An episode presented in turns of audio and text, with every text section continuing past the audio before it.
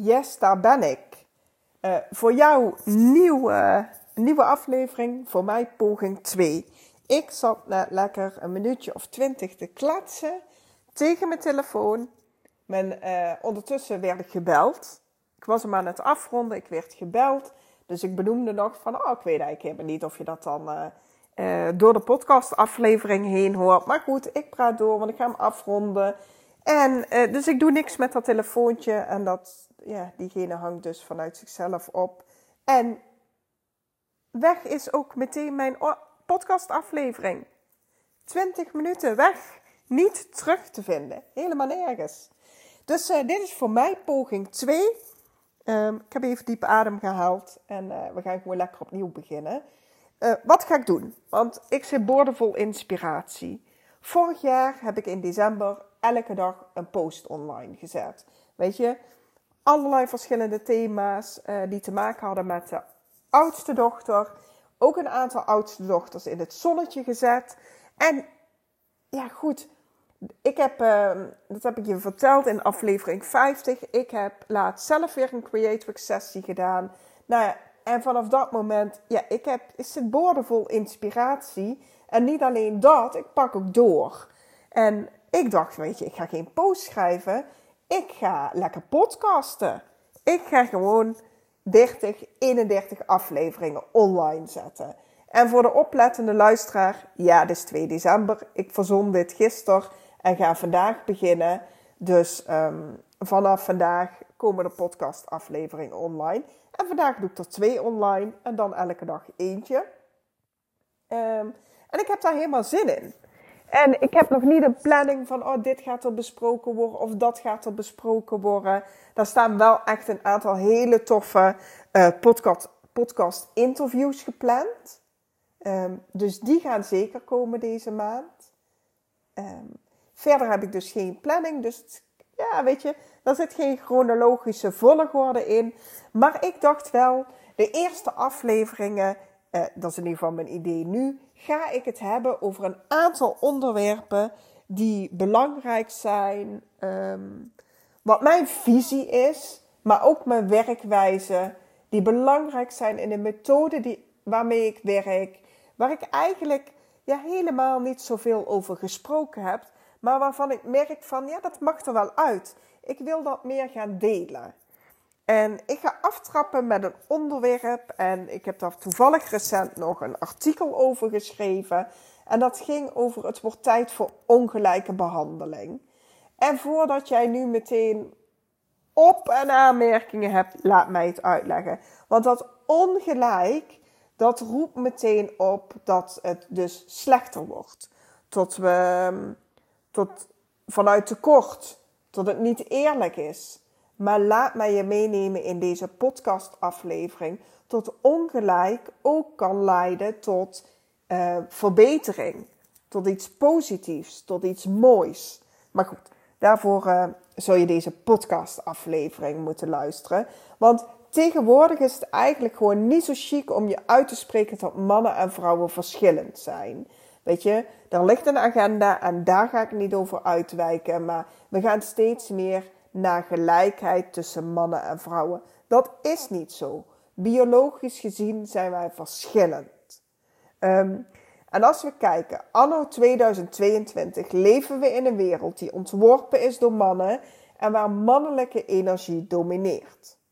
We leven in een cyclus van 24 uur, één dag dus, en de volgende dag beginnen we weer opnieuw. Dat is de, dat is de duur van de cyclus van een man. Onze cyclus duurt gemiddeld 28 dagen. En in die 28 dagen gaan wij door allerlei fases heen. Dat zie je niet terug in ons dagelijkse leven. Maar goed, laat me je meenemen in ons dagelijkse leven.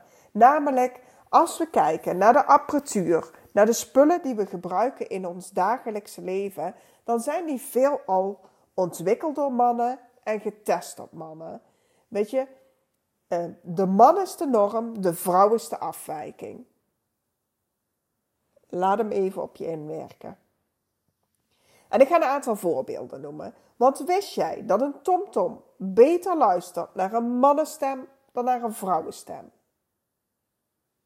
Of de gemiddelde smartphone, dat die eigenlijk te groot is voor een gemiddelde vrouwenhand. Voor autogordels. Eigenlijk auto's in het algemeen. Weet je? Maar laten we het even houden over de autogordels. Die passen niet goed bij onze borsten. En als je zwanger wordt, dan is het helemaal een issue. Maar um, daar is geen rekening gehouden met ons postuur als vrouw.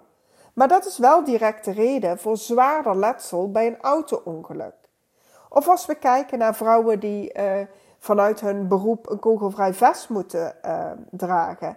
Daar is geen rekening gehouden met de vormen van het vrouwenlichaam. Ander voorbeeld. Um, de temperatuur op kantoren. Die is, de gemiddelde temperatuur op kantoren is afgesteld op de stofwisseling van een gemiddelde man. En daarom heb je van die vrouwen die aan die knoppen gaan draaien, omdat ze hebben het koud. Nou, en wat is nu die gemiddelde man? Die gemiddelde man is een blanke man van rond de 40, 45 jaar. Dat is de gemiddelde man. Dat is het prototype wat gebruikt wordt als we uh, dingen gaan maken, als er dingen ontwikkeld worden, maar ook binnen de gezondheidszorg. Want medicijnen en behandelingen worden veelal getest op dus blanke mannen van rond de 40, 45 jaar. Dan zul je denken waarom? Omdat het vrouwenlichaam te ingewikkeld is. Wij hebben een cyclus. We hebben hormonen. Dat maakt het allemaal zo moeilijk. Weet je, ik zou denken, we sluiten de helft van de wereldbevolking toch niet uit. Weet je, en als je het hebt over medicijnen, behandelingen, dan hebben we het over de hoek van de medici. Dat is wetenschap. Daar zou toch een uitdaging moeten liggen? Maar de praktijk is anders. En wat is het resultaat daarvan? Dat er ongelooflijk veel vrouwen rondlopen met langdurige gezondheidsklachten, die niet juist behandeld worden of niet juist gediagnosticeerd worden. In de praktijk zie je dat klachten eigenlijk heel vaak afgedaan worden met de overgang, burn-out, fibromyalgie of het zit tussen je oren. Maar ik neem je mee in een voorbeeld. Hartklachten. Nou, denk aan hartfalen, hartinfarct. Dat wordt echt veel vaker, en ik heb geen statistieken qua cijfers, maar het wordt echt vaker gemist bij vrouwen dan bij mannen. Waarom? De symptomen zijn anders en vager.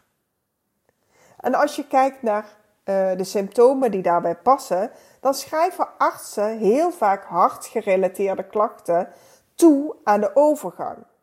Dan wordt het afgedaan met, ja weet je, jouw klachten horen bij de overgang, punt. En besef jij je dat sommige vrouwen dus onnodig in de psychiatrie terechtkomen? dan wordt tegen hun letterlijk gezegd: het zit tussen je oren, jij hebt niks. Waarom? Omdat er onvoldoende kennis is over vrouwspecifieke ziektes of genderverschillen. En ik ben dan ook echt super blij dat er mooie initiatieven starten. Een van die initiatieven is Stichting Voices for Women. Waar zetten die zich voor in? Voor genderspecifieke gezondheidszorg. En toen ik het artikel aan het schrijven was, heb ik, ja, heb ik hun website eens bekeken. En daar stonden een aantal statistieken op. En die wil ik dus ook echt heel graag meenemen in deze podcast. Luister. 80% van alle patiënten met onverklaarbare gezondheidsklachten is vrouw. Vrouwen hebben twee keer zo vaak een depressie. 75% van alle patiënten met auto-immuunaandoeningen is vrouw. En vrouwen hebben veel meer bijwerkingen na medicijngebruik. En waarom? Mannen en vrouwen zijn biologisch echt anders. Ons brein is anders dan het mannenbrein. Ons vrouwenbrein is kleiner, maar niet minder intelligent. Wat zijn dan verschillen die je onder andere ziet in de hersenen? Vrouwen hebben meer witte massa dan mannen. Zelfs tien keer zoveel is uit onderzoek gebleken. En nou zul je denken, ja Monique, dat interesseert me allemaal niet zoveel. Maar wat doet dat dan? Of ja, dat zorgt ervoor dat vrouwen een snellere en een betere connectie hebben tussen verschillende hersendelen, maar ook tussen de linker en rechter hersenhelft. Wij kunnen daarin, ja, die twee werken samen. We kunnen daarin heel erg switchen. Het vrouwenbrein heeft een grotere frontale kwap. De hippocampus is groter, werkt net iets anders dan bij mannen. En waar is dat dan goed voor? Voor leren en onthouden. Maar biologisch gezien zijn er meer verschillen. En ik wil je meenemen eh, naar de verschillen in onze ogen. In onze ogen, in onze ooglenzen zitten retinacellen. En die zijn bij vrouwen anders dan bij mannen. Wederom ga ik het voor je concreet maken. Want dat zit hem namelijk in de focus. Um, en als je kijkt, zeg maar, um, die focus, dat heeft impact op je blik en hoe je kijkt naar de wereld. En als je kijkt naar mannen, die hebben een wijdse blik. Ik ben het met mijn handen voor aan doen, maar ik besef me dat jullie dat eigenlijk helemaal niet zien, want het is alleen een audiobestand. Maar dit had heel veel voordelen vroeger, want zij zagen gevaar aankomen. En op die manier konden zij goed jagen en hun stam beschermen. En dat was um, het de belangrijkste functie van een man, was inderdaad hun stam beschermen. Zorgen voor die stam. Zorgen dat er te eten was. Zorgen dat ze beschermd werden tegen gevaar. En die wijdse blik, die hielp daaraan mee. Focus van een vrouw is heel erg gedetailleerd. Door die retinacellen in onze ooglenzen merken wij hele kleine verschillen op. En daarom ziet de moeder uh, de verschillen in het gezichtje van een kind. Weet je, ze ziet wat het kind nodig heeft. Ze ziet het verschil. Uh, maar ook bijvoorbeeld, heel ander voorbeeld, um, mannen uh, die, kiezen, die kennen lichtblauw, blauw, donkerblauw. Wij, vrouwen, het is uh, zeeblauw, lichtblauw, pastelblauw, nou, donkerblauw, groenblauw, noem maar op. Wij hebben honderden soorten blauw. Dat, die maakt hem ook altijd wel een beetje duidelijk, vind ik, wat, wat daarmee bedoeld wordt. Maar we gaan verder. Die focus die is gelinkt bij mannen aan het parasympathisch zenuwstelsel. Nou, wat is dat? Heel simpel gezegd, dat kun je zien als de rempedaal of de acculader van het lichaam. Dat zorgt voor lichamelijke inspanning. Nou, en je voelt hem al aankomen, bij vrouwen is dat dus anders. Die focus is gekoppeld aan ons sympathisch zenuwstelsel. Wat is dat? De gaspedaal, de doestand, de actiestand. En de stof die daarbij hoort is adrenaline. Je hartslag gaat omhoog, je bloeddruk gaat omhoog, je ademhaling stijgt en je lichaam verbruikt energie.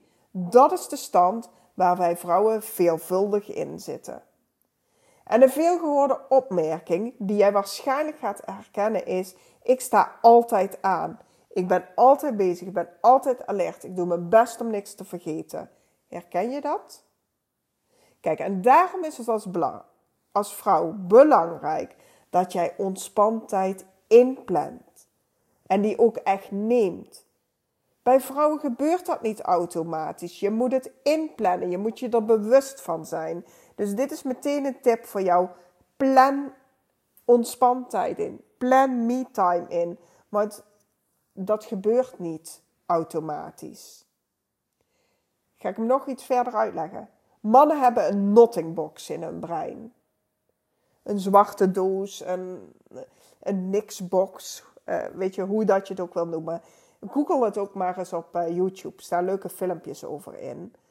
Maar wat betekent dat nou? Zij kunnen zich volledig afsluiten en terugtrekken in die nottingbox. Dan is er niks. En misschien herken je nu, weet je, je man kijkt je wel eens aan of je partner kijkt je wel eens aan en die zegt: Huh, sorry, zei je wat? Huh, wat? Oh, ik heb het niet gehoord. Had je tegen mij? Nou, dat soort opmerkingen, nou, die kun je vanaf nu dus waarschijnlijk ook beter plaatsen. Vrouwen hebben dat niet. Ons brein werkt echt anders. En um, ik ga het je uitleggen, maar ik wil het een beetje beeldend maken. Want waar ik dan aan denk is een een internetsnel, of een snelweg. Maar ik moet dan denken aan zo'n plaatje van uh, zo'n foto, zeg maar, die dan s'avonds gemaakt worden als het wat donkerder is, de autolampen aan zijn. En dan zie je vaak zo op zo'n foto zo van, de, ja, dan zoeven die lichten zo voorbij. Um, dat is waar ik aan denk. En dan vooral de snelweg in Amerika, zeg maar, waarin je tig banen hebt die, uh, die elkaar doorkruisen. En nou goed, waarschijnlijk kan je er nu ook een beeld bij uh, vormen. Maar zo buste dus en zoomde dus um, alle kanten op in ons brein. Alles zit aan elkaar gekoppeld bij ons vrouwen. Maar het zit ook gelinkt aan emoties. En dat is meteen een van de redenen waarom wij vrouwen alles lijken te onthouden. Als er iets plaatsvindt, koppelen wij er een emotie aan en op die manier slaan wij dat langdurig op in ons brein. Dus samengevat, mannen en vrouwen zijn verschillend. Biologisch gezien zijn wij verschillend. We leven in een wereld die met name uh, gelinkt is aan mannelijke energie, aan de mannelijke cyclus um, van 24 uur, terwijl die van ons 28 dagen duurt. Er is onvoldoende kennis over het vrouwenlichaam.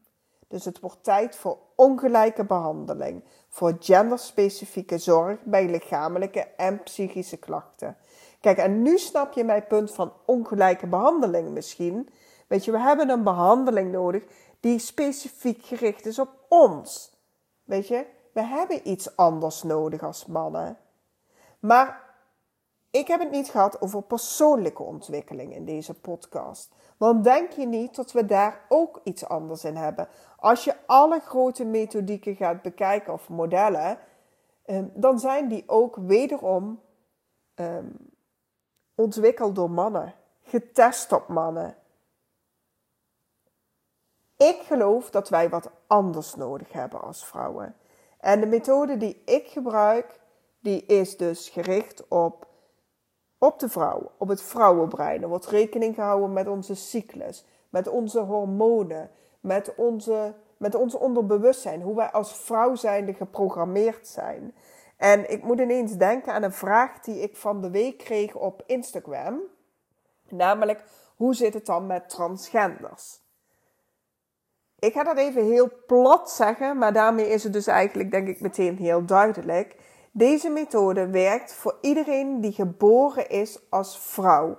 Dus maak jij in je latere leven een keuze om uh, te veranderen van geslacht en bijvoorbeeld als man door het leven te gaan. Het werkt, de methode is aangepast op de vrouw.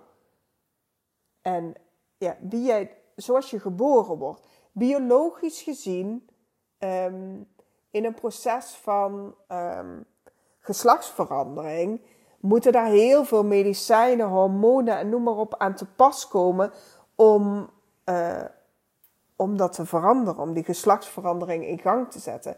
Maar biologisch gezien ben je een vrouw. Weet je, als jij als ze botten opgraven van 3000 jaar geleden of zo, kunnen ze aan die botten, in die botten, kunnen ze constateren of het een skelet is van een man of een vrouw. Weet je, het zit zo diep, biologisch zo diep, um, of je man en vrouw bent. En daar zitten verschillen in. Dus inderdaad, ik vond het een hele mooie vraag. Ik wil daar niet te lang over uitwijken. Maar de methode die ik gebruik, die werkt voor iedereen die geboren is als meisje? En daarmee heb ik denk ik die vragen ook beantwoord.